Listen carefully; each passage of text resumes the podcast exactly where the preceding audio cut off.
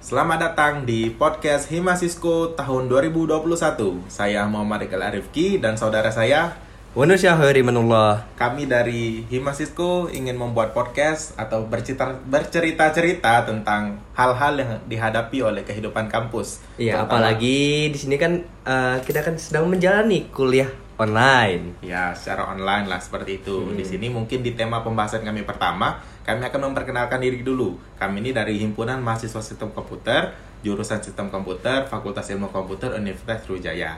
Nah, kami adalah sebuah himpunan mahasiswa jurusan yang sebagai jembatan antara mahasiswa maupun eh, jurusan itu sendiri. Nah, sebelum dari situ, tema yang kami angkat pada podcast kami hari ini adalah lika-liku kuliah online. Nah, menurut saudara Wahana ini bagaimana sih kuliah online itu? Kuliah online ya. Sebenarnya ah, kuliah online itu ada plus minus. Tapi sebelum kita membahas plus minusnya itu, kita membahas dari sejarah kuliah online itu sendiri. Nah, kuliah online ini ya sebelum seperti kita ketahui semuanya. Kita ini dulu kehidupan kita itu ya kehidupan di masa sebelum pandemi Covid-19, yaitu di tahun 2019 eh, Quarter awal. Quarter awal Quarter itu satu. kami masuk sebagai mahasiswa dan kami sempat merasakan kuliah secara offline atau kuliah tatap muka. Dan semuanya berubah ketika Maret 2020 yang Iya. di mana eh, kami itu dipaksa oleh keadaan untuk menjalani kuliah secara jarak jauh. Karena apa sih sebenarnya? Iya, karena pandemi virus COVID-19 yang merajai Iya. dunia. Pada awalnya di Indonesia ini tidak percaya tentang adanya COVID-19. Ya, karena ini adalah suatu hal baru yang di mana manusia ini dipaksa untuk di rumah, dipaksa belajar, belajar jarak jauh, bekerja jarak jauh, sekolah jarak jauh, dan seluruh aktivitas itu dibatasi karena adanya pandemi COVID-19 ini. Oke, mungkin itu bisa dilakukan oleh orang introvert ya. Ya, orang-orang introvert. yang Tapi sebenarnya buat orang ekstrovert itu agak susah pak sebenarnya. Iya, karena- Sangat amat susah karena bagi orang ekstrovert itu kita perlu bersosialisasi Iya. dengan sesama manusia gitu Iya, kan. butuh komunikasi yang eh, secara tatap langsung, berkegiatan secara lapangan, tapi semuanya berubah eh, apalagi setelah pandemi COVID-19 Eh. Maret 2020 itu. Nah kalau menurut Agi sendiri gimana nih Gil? Waktu kita pertama kali di eh, online kan gitu lah. Nah, Perasaannya gimana sih? kalau pertama-tama tuh ketika Maret 2020 itu ada keluar edaran dari kampus bahwa kegiatan belajar tatap muka itu diakhiri, bukan malah kegiatan kayak pelajaran pelajaran tatap muka itu dipercepat diselesaikannya. Jadi kami Iya. waktu itu libur sekitar lima bulan lah seperti itu ya, Tiga bulan lebih. tiga bulan lebih. Tapi sebenarnya gini Gil, sebelum kita adanya COVID-19 ini, sebelum kita di online kan,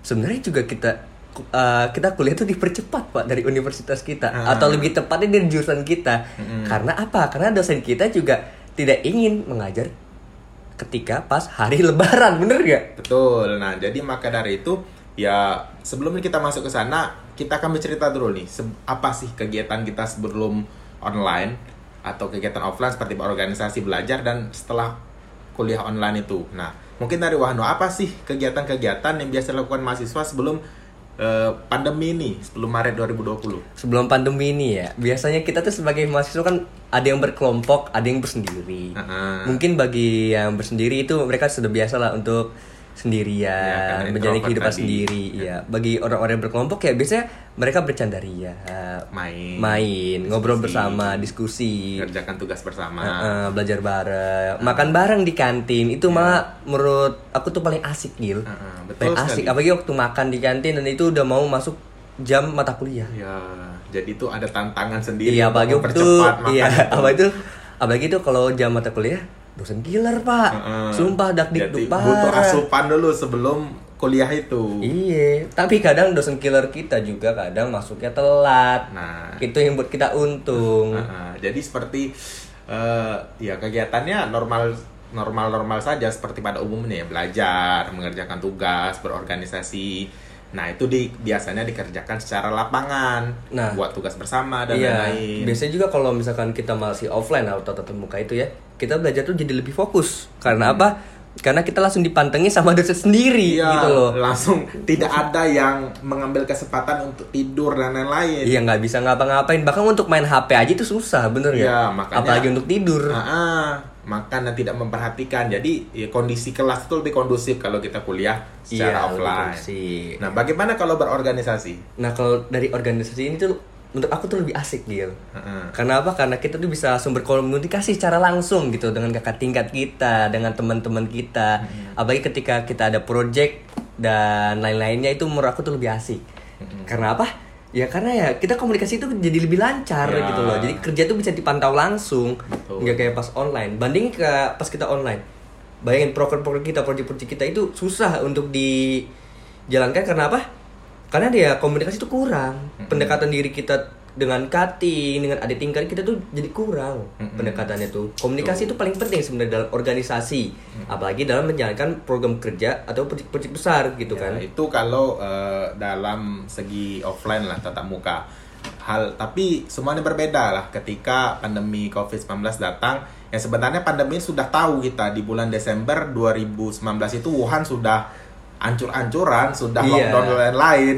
Tapi ya ya mungkin banyak orang yang meremehkan Covid ini. Iya, apalagi kan di Indonesia ini Iya. orang-orangnya batu sekali. Ya, gitu jadi kan ya banyak yang ngomong kita kebal kita Ya. kebal kena mebor rasa kan kena Ya. kan dak dikduk juga pak Nah. nyawa melayang bisa gitu Nah, kan itu kan jadi ya ketika Maret itu semuanya ditutup seluruh aspek eh, seluruh kehidupan lah kita dipindahkan melalui media virtual atau online. Nah, jadi ya menurut Wahnu, nah kalau setelah kuliah online ini kan bagaimana soal eh, belajar? oke soal belajar gini ya Kan kita kan eh, diubah tuh kan mungkin dulu Zoom tidak sestabil sekarang, Mm-mm. Google Meet tidak sestabil sekarang dulu tuh mungkin masih mengandalkan Skype, mengandalkan e-learning dan lain-lain. Sedangkan eh, infrastruktur untuk kuliah itu juga belum siap pada waktu itu ya. iya jadi kita bahas di sebenarnya itu di infrastruktur dulu ya gile Nah, infrastrukturnya dulu. dari misalnya dari e-learning. Nah, e-learning itu sumpah pak. Itu sering banget error waktu kita awal online. Heeh. dan itu ya mau gak mau kita kesel gitu. Kan kita kesel sebagai mahasiswa gitu kan. Soalnya ya, media belajar itu dari e-learning. Materi dari e-learning tugas ngumpul di e-learning mulai dari absen juga dari e-learning. Sedangkan e-learning juga sering kacau sering error. Itu pertama satu masalah itu tidak kesiapan infrastruktur lah. iya dan kedua dari tenaga kerja juga gitu kan bukannya di sini kita menjatuhkan gitu kan Ya, Tapi- bukan kami tidak tidak menyebut merek atau menyebut yang lain-lain, tapi kami menilai ini secara perspektif, secara keseluruhan lah. Dari seorang mahasiswa gitu ya, kan. Terjadi ya mungkin kepada seluruh mahasiswa ataupun seluruh siswa yang dipaksa berpindah ke kuliah online tadi. iya bagi kita sekarang itu sudah termasuk ini Gil mahasiswa agak tua ya, sudah mulai semester 5 ingin semester 6 ini ya sudah memasak memasuki kondisi-kondisi semester akhir. Iya, tambah kita kepikiran dari skripsi, tugas akhir, Kerja praktik. kerja praktik, itu kita sangat amat pusing, betul tidak? Ya, betul. Betul sekali. Nah, eh, balik lagi ke topik tadi kan ngebahas eh, dari infrastruktur dari e-learning. Sekarang kita ngebahas ke tenaga kerja mengajar gitu kan, Ya, civitas akademika lah. akademika lah. Nah, dari tenaga kerja ini, Gil, menurut aku ya, nggak tahu menurut kau ya, kadang tuh dosen mengajar juga kadang ngajar ya suka-suka dia bela gitu kan, suka-suka dia aja gitu kan. Bukan maksud yang merendahkan, tapi ini dari pengalaman kita sendiri. Betul nggak? Ya, mungkin ada kalau kita bisa tidak seluruhnya tapi oknum lah mungkin beberapa. Ada beberapa oknum, kayak misalnya lu ngajar dalam jangka waktu mata kuliah nih 3 SKS. 3 SKS itu berapa sih? Berapa waktu? Sekitar 150 menit, 2 jam lebih, 2 jam setengah lah. dua jam setengah itu untuk 3 SKS Mm-mm. tapi kadang tuh mengajar untuk waktu sekitar satu jam kadang 30 menit dan kadang itu juga mengajar eh, hanya mengirim PPT gitu kan Ah. gimana kita ngerti gitu kan Ya, jadi ya belajar tuh atur aturannya kan kalau secara deskripsi kita offline itu kan kita dikasih materi, kita dijelaskan, ada sesi tanya jawab, ada tugas harian dan, dan ada kita juga disuruh eh, disuruh untuk belajar sendiri ya, gitu kan karena dan lain-lain. Iya, karena kita sebagai mahasiswa juga kita harus belajar sendiri gitu kan untuk makin mengerti gitu kan. Karena dosen di sini untuk mengajarkan dasarnya, Mm-mm. selebihnya kita yang mengajar, gitu. kita Kita yang ngajar sendiri, mengembangkan mengembangkan. itu. Ya. Nah, sekarang kita ngelihat dari perspektif dosen gitu kan. Mm-mm. Mahasiswa nih gimana sih? Mm-mm. Kalau dilihat dari perspektif dosen, mahasiswa tuh sebenarnya agak ngeselin juga pak sebenarnya. Ya, jadi kita ya tidak bisa seluruhnya itu oknum dosen lah, mahasiswanya juga perlu berbenah. Iya contoh, mahasiswa tuh kadang tuh kok mata kuliah pagi, itu paling sering ya. Mm-mm. Mata kuliah pagi tuh masuk masuk zoom masuk Mm-mm. masuk tapi entah dia tidur, entah dia main HP, entah dia nonton atau dia entah dia ngapain gitu kan. Kita tuh nggak tahu gitu kan. Tapi kalau dari aku sendiri jujur, aku males kalau untuk mata kuliah pagi itu kalau online, sumpah. Paling nyalain Zoom ya, perhatiin perhatiin 30 menit awal, sisanya nggak fokus. Ya, karena kayak menurut saya, menurut aku sendiri kayak ya memang katanya kuliah online, kuliah offline, tapi eh, apa tuh secara makna dari kuliah online itu tidak tidak tersampaikan cak itu nah. Heeh. Bayangkan kalau kita kuliah offline, kita bangun pagi, kita mandi, kita ada siap-siap, oh aku nih nak kuliah ke kampus. Hmm. Saya mempersiapkan bahan dan lain-lain, saya memperhatikan. Nah, tapi kalau ketika kuliah online ini ya kita bangun, ngidupin laptop dan ya tidak diperhatikan juga. Iya, tambahin kok kita offline tuh kan walaupun kita masih ngantuk masuk kelas kan takut juga untuk tidur gitu kan. Iya. Takut karena depan kita langsung dosen. Nah, ah, itu tadi kan. Itu kalau secara perspektif kuliah lah. Nah, itu dari akademikanya, aktivitas akademika. Nah, mungkin nah karena kita nih salah satu organisasi mahasiswa juga. Nah, kalau berorganisasi bagaimana kalau selama online ini? Kalau dari pengalaman aku ya Gil ya.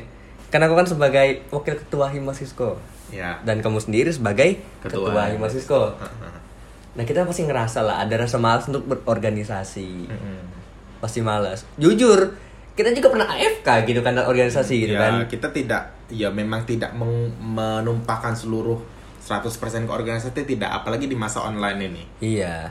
Eh, sejujurnya yang paling penting ketika organisasi saat online itu se- sebenarnya yang paling penting tuh komunikasi, bener ya? Hmm, Betul. Karena apa? Ketika kita kurang komunikasi, kedekatan kita dengan anggota yang lain tuh bakal kurang. Mm. Dan kerjasama kita pasti bakal kurang juga. Betul. Gitu kan?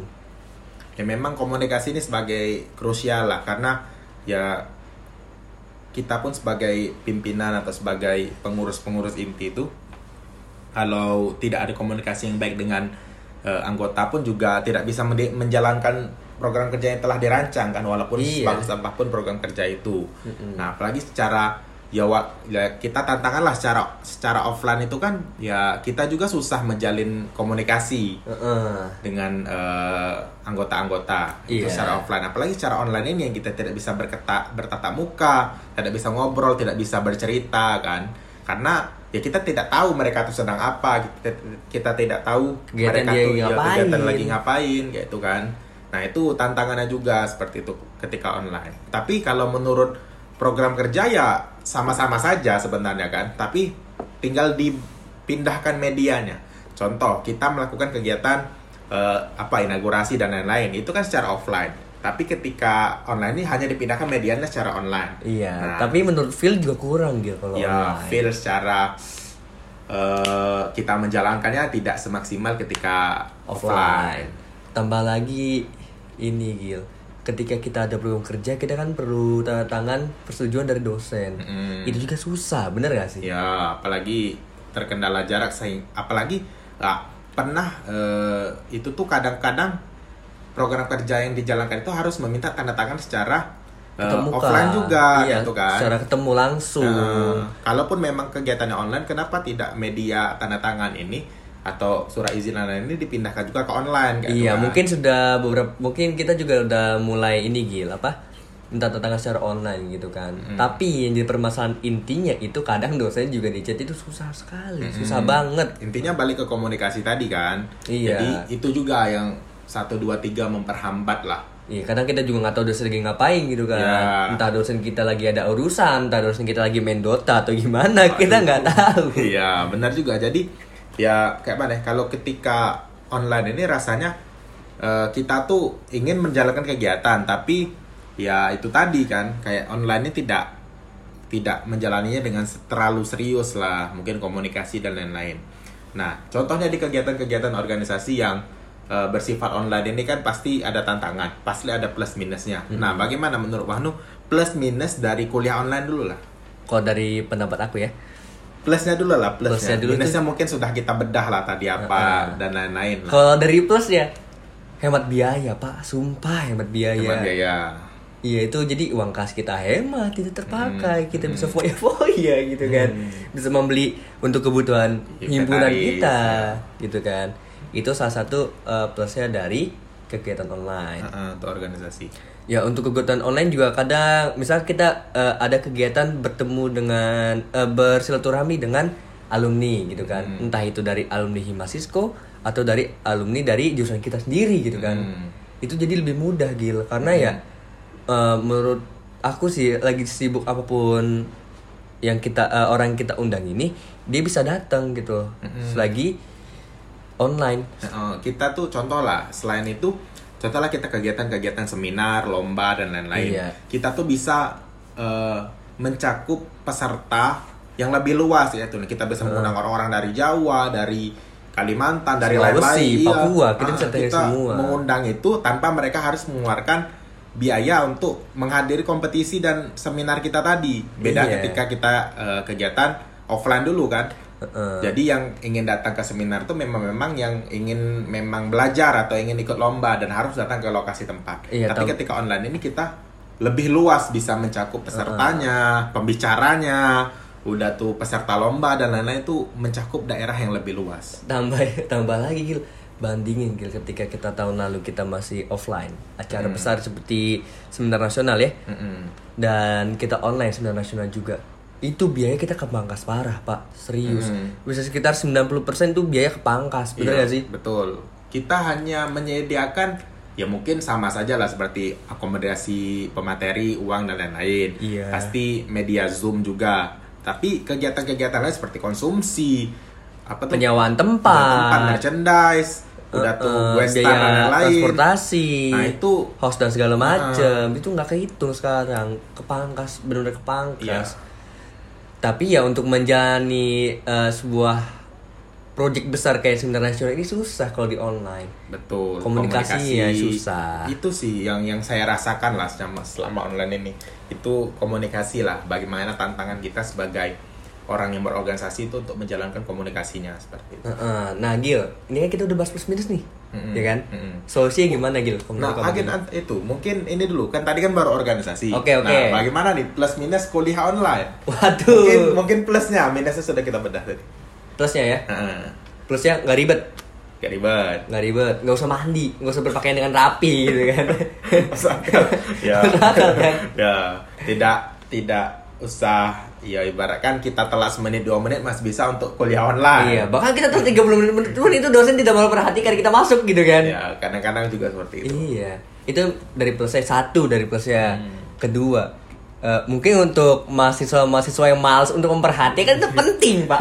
Kuliah online tuh manfaat sekali, Iya. manfaat sekali gitu kan. Mereka bisa melakukan kegiatan lain di saat Iya, kuliah ya. iya. Seperti Nonton Oh, TV, iya. nonton YouTube dan segala macamnya gitu lain. kan. Tuh, sebenarnya itu bukan plus minus juga sih. Agak sedikit untuk mahasiswa yang malas, tapi mungkin aku meluruskan dikit. Untuk plusnya ketika kuliah online nih ada berbagai banyak program yang disediakan oleh pemerintah. Shout out untuk pemerintah eh, seperti kampus Merdeka. ada Iya, magang itu plusnya. online, ada juga pertukaran pelajar, Heeh. ada juga relawan dan lain-lain. Ini bisa eh, kita bisa berkuliah di kampus lain di luar negeri atau di kampus-kampus bergengsi tanpa kita harus datang ke sana. Iya, itu itu plusnya. Heeh. Tapi ada minusnya juga Gil dari itu Gil. Nah. Satu, ya dari program pemerintah kadang kan mahasiswa yang ikut program ini ini, ini gitu dibayar gitu kan. Hmm. Tapi satu minusnya pak, ini paling parah. Pembayarannya sering sekali telat. Nah, itu mungkin bisa jadi koreksi lah gitu kan. Iya, tambah kadang ya untuk orang yang pertukaran pelajar, contoh ke Malaysia lah.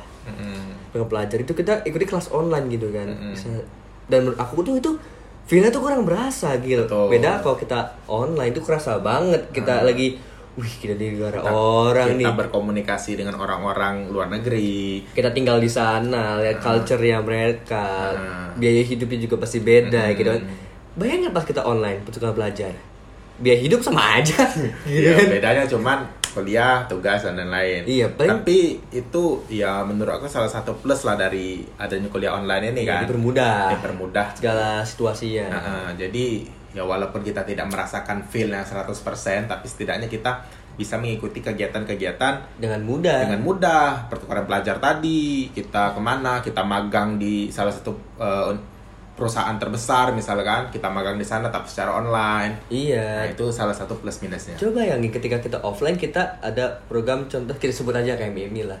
Mm-mm. Kita ngambil eh, kuliah di kampus lain. Mm-mm. Bayangin kita online, eh, kita offline pak. Hmm. Susah. Susah dan tidak akan tidak akan terjadi juga contoh Iya. contohnya kayak MMI itu kan kayak 3 SKS 4 SKS kita tidak mungkin berpindah suatu domisili ke domisili lain kalau cuma mengambil 4 SKS sedangkan sisanya ada di kampus domisili kita gitu kan Kecuali masih dalam satu daerah. gitu ya kan. mungkin dalam satu kota dalam satu provinsi masih memungkinkan Heeh. tapi kalau ketika Beda eh, pulau, pulau, beda, beda provinsi. Nah, itu susah sebuah sekali, tantangan, gitu sebuah kan. Itu pantangan banget gitu. tantangan. Tapi ya bagus ada berbagai macam program sertifikasi online, pelatihan online, kuliah umum, Workshop diperbanyak. workshop, diperbanyak kegiatan-kegiatan yang eh, memudahkan mahasiswa lah untuk online itu menjadi lebih fleksibel Yes. dengan online-nya ini fleksibel. seperti itu. Tanpa kita harus datang ke lokasi. Nah, mungkin kita sambung dari Wahnu tadi yang sempat kepotong.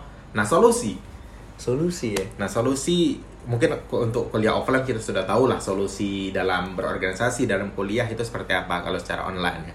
Nah, tapi kalau secara offline ini bagaimana sih kuliah kuliah online ini dan or- berorganisasi secara online ini apa sih yang harus Dibenahkan gitu ya. yang harus dikeluarkan lah untuk Sebenarnya yang mesti dibenahkan ya. Kayak misalkan dari kita kuliah online gitu kan.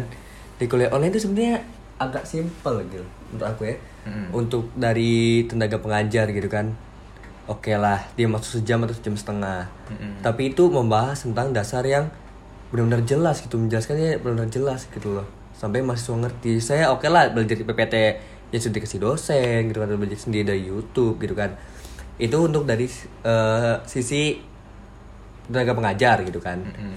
Untuk dari mahasiswa sendiri nih, tolonglah hargai dosen juga pak. Mm-mm. Gitu kan sebagai mahasiswa. Contoh ketika dosen bertanya jawab gitu kan. Walaupun kalian ditunjuk nih sama kalian nih kalian tidak ngerti jawab saja gitu kan Ya. walaupun salah.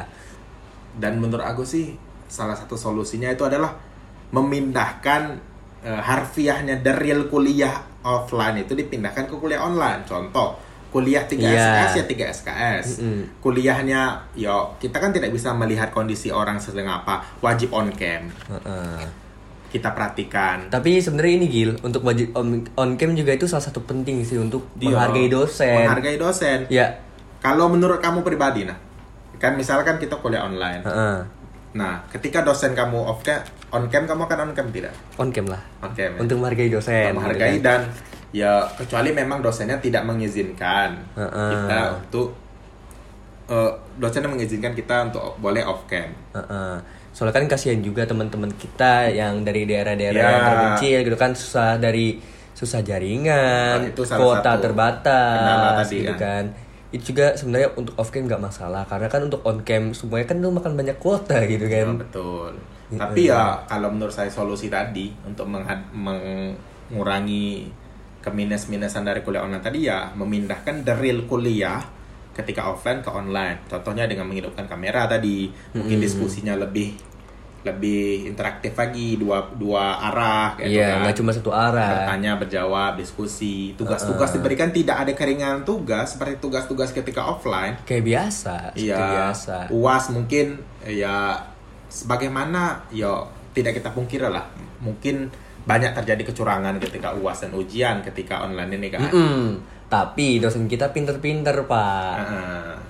Men- eh, ngasih kita soal tuh yang tidak ada di internet gitu Nah, kan. kan itu kan mungkin ya salah satu trik oleh mahasiswa untuk mengakali kuliah online ini. Tapi Iya, bagaimana? tapi dosen juga mengakali kita Ya. bagaimana mahasiswa biar nggak nyontek ya gitu itu kan. yang harus dilakukan. Bagaimana membuat kondisi ujian tuh ya dari ujian. Mm-mm. Ujian ya benar ujian untuk menguji, menguji kompetensi kita sebagai mahasiswa. Nah, bagaimana caranya? Ya dengan contohnya kita menggunakan Zoom dua device misalnya kan, Iya. di depan muka satu, di samping satu. Di- Kalau nggak di belakang satu Di belakang gitu kan. satu, agak- kelihatan nih Ah. mahasiswa lagi ngapain Iya. nih. Apa dia searching, apa gimana Iya. gitu. Ataupun yang menurut saya efektif itu mungkin ujiannya secara lisan satu-satu kan. Hmm. Jadi tampak muka, ditanya secara lisan, mengerjakan soal secara lisan, misalnya di layar laptop mungkin seperti itu. mungkin juga mesti dibatasin kok untuk lisan gitu menjawabnya ya. Kayak misalkan 10 detik, biar nggak ada kesempatan untuk searching. Ah, itu salah satu eh, yang harus dilakukan lah. Mungkin untuk kuliah ya. Udah tuh ya mahasiswanya harus sadar diri lah. Sadar diri karena kuliah itu penting. Kuliah tuh bayar. Kuliah tuh bayar. Masa kalian kuliah udah bayar kan cuma numpang tidur? Iya. Kan nggak juga, Pak. Itu membuat itu sama aja kalian menjadi beban orang tua. gitu kan. Jadi ya, jadi kan ya ketika waktu kuliah kuliah, kalau perlu kalian itu seperti kuliah pada pada online, pada offline lah. Contoh kalian sebelum kuliah mandi, sebelum kuliah kalian eh, Sarapan. kalian bersiap-siap menggunakan pakaian yang kemeja, misalnya menggunakan pakaian-pakaian eh, pakai baju sopan, rapi. on cam, memperhatikan. Nah, itu ya sebenarnya kalau itu terjalan antara dosen dan mahasiswa dengan baik ya sama saja seperti kuliah offline. Iya. Karena ya mahasiswa juga mesti mikir gitu kan. Yang terpenting itu mahasiswa tuh mikir nih orang tua udah bayar nih sekian sekian juta gitu kan untuk biaya kuliah gitu kan. Apalagi tidak ada potongan UKT gitu Iya. kan. Itu membebani orang tua apa kalau misalkan kita enggak eh, Ya pasti orang tua juga ada mengalami penurunan secara ekonomi. iya Di seluruh kendala ini lah. covid inilah Ya. karena pandemi ini ya mahasiswa juga mesti sadar gitu gimana Ya. caranya dia nggak membebani orang tua mereka gimana caranya biar uang orang uang orang tua mereka tuh tidak terbuang secara percuma gitu kan Hmm, ya kalau misalkan mahasiswa yang nggak mikir itu sih yang bodoh Iya, itu sih yang agak disayangkan lah kayak itu. Itu untuk kuliah tadi kan. Mungkin sudah. Nah, selanjutnya untuk berorganisasi secara online ini kan, mungkin adanya miskomunikasi, kegiatan-kegiatan yang tidak bisa dilaksanakan lah. Contohnya kemarin kayak lomba-lomba secara offline futsal. Tidak mungkin dong futsal di online kan? tidak mungkin apa kita main PES kan tidak juga Tidak mungkin juga apa kita kita main Street kan tidak juga Tidak mungkin kita main kita main basket secara online kan? Iya, itu gimana Ya, caranya? ya. Ada kali kita bikin statistik kita sendiri kan nggak mungkin. ya ataupun kegiatan-kegiatan kita berbagi misalnya Heeh. santunan ke panti sosial apakah Iya. secara zoom kan nggak juga Iya. apakah paket yang mesti dikirimin lewat gojek gitu kan nggak juga Iya. tidak berasa feelnya gitu Iya, kan itu. oke mungkin untuk santunan itu Gil eh, kita bisa mengirim perwakilan lah Iya. habis itu dokumentasi sudah selesai gitu ya kan ya memang ya boleh kalau menurut saya sih untuk kegiatan-kegiatan organisasi ini solusinya memang ya kalaupun memang kegiatan-kegiatan seperti berbagi dan lain-lain itu boleh tetap dilakukan tapi tetap mentaati prokes yang sudah ada. Heeh, jangan lupa jaga ya, jarak, eh, pakai masker. Yang datang tuh contohnya eh, cuma orang lima atau orang berapa Iya. ataupun contohnya kegiatan-kegiatan perlombaan itu memang ada panitia yang mengkoordinir di tempat untuk sebagai komunikasinya lebih baik. Tapi jangan lupa kalau lagi lomba itu mungkin oke lah kita contoh kita lagi lomba futsal kita berat badan gitu kan. Mm. Is oke. Oke, itu lagi olahraga wajar gitu kan. Tapi jangan lupa ketika kita sudah selesai olahraga kita jangan lupa untuk cuci tangan itu paling penting pakai masker lagi Ya, jaga jadi- jarak Sebenarnya apalagi di kondisi sekarang kan, di kondisi yang sebenarnya kasus COVID-nya sudah menurun. tapi ada varian baru itu Omikron. dia. Omikron yang bahaya apa kita akan online lagi semester depan Nah, tidak tahu Iya, tapi menurut saya untuk ya untuk kondisi tidak separah kondisi ketika di awal-awal dulu kan. Sekarang iya ini tapi sudah kan lebih baik antisipasi ya gitu. sudah sudah lebih baik sekarang. Ya mungkin kegiatan-kegiatan offline itu dari pemerintah juga sudah mulai mengizinkan tapi dalam satu catatan lah prokes dijaga mati. Heeh. Apa sih yang harus pakai masker, jaga jarak. mesti mesti ini juga kan kuota dari kelas juga Ya, dipotong dikondisikanlah pesertanya mungkin 50%. iya atau mungkin bisa uh, hybrid gitu kan misalnya senin Ah, senin rabu hybrid. jumat kita Online. online Mm. selasa kamis kita offline dan minggu Ya. depannya kebalikannya senin rabu jumat Ya. kita offline selasa kamis ya kita online Ya, jadi Gitu. menurut saya kegiatan organisasi walaupun di kondisi pandemi ini, apalagi sekarang kan kondisi mungkin sudah mulai sedikit terkendali, eh, itu ya tidak apa-apa mengadakan kegiatan offline, tapi dengan kondisi ya mengondisikanlah sesuai dengan prokes. iya dan jangan jangan lupa juga Gil partisipannya juga jangan terlalu banyak Mm, dan ya agak gimana juga sih kalau suatu organisasi itu mengada- mengadakan kegiatannya seluruhnya online kayak itu kan. gak asik Iya, da- gak asik dan ya orang tuh boring juga sebagai pengurus iya, itu. tambah gitu kan. lagi juga gini Gil oke lah untuk kita sebagai pengurus inti gitu kan Mm. untuk yang mahasiswa yang baru masuk himpunan nih. Apa sih yang mesti mereka lakuin gitu loh biar terjaga komunikasi. Yang Iya. penting penting tuh ya terbuka gitu. Nggak nggak usah terbuka eh, terlalu terbuka gitulah yang penting komunikasi is oke lah. Anggap aja kita ini keluarga. Mm-mm. kita ini nggak ada senioritas nggak ada. Kita Anggap ini satu keluarga selalu kompak. iya itu jargon kita pak. Ah, iya, jadi yang sempat disinggung juga sama satu orang gitu Iya, kan sama jadi, satu oknum. Heeh, ya seperti itulah mungkin yang harus kita lakukan lah kalau berorganisasi secara eh, online nih kan. Nah kita kan sudah ngebahas tentang kuliah online dan organisasi secara online Offline dan online sih tadi. Iya. Nah, sebenarnya udah segitu aja dari kita. Kita untuk membahas tentang lika-liku kuliah online dan kita di sini membahas tentang Kuliah dan berorganisasi secara online ataupun sebelum dan setelah online ini. Nah, bagaimana Iya. lika-likunya, ceritanya, solusinya, permasalahannya. Iya. Mungkin itu untuk pembahasan kita kali ini. Nanti di pembahasan selanjutnya kita akan membahas lagi permasalahan-permasalahan yang di ya sebenarnya judulnya tetap sama lika-liku kuliah online. Mm-mm. Tapi untuk pembahasan selanjutnya kita tuh membahas tentang sesuatu yang lebih krusial gitu loh. Hmm, yang lebih inti lah mungkin ini sebagai pembuka dan pengenalan di podcast yang akan dibuat oleh Mahasiswa. Heeh. Mungkin akan kami akhiri dulu. Terima kasih kepada yang telah mendengarkan. Eh, moga apa yang telah kami Bermanfaat. sampaikan bermanfaat dan bisa diambil poinnya seperti itu. Heeh. Mungkin cukup sekian dari kami. Saya Muhammad Iqbal Rifki. Saya Wanda Syawari Manullah. Sampai jumpa di podcast Himasisko episode berikutnya. Iyo, i. Terima kasih. Terima kasih. Assalamualaikum.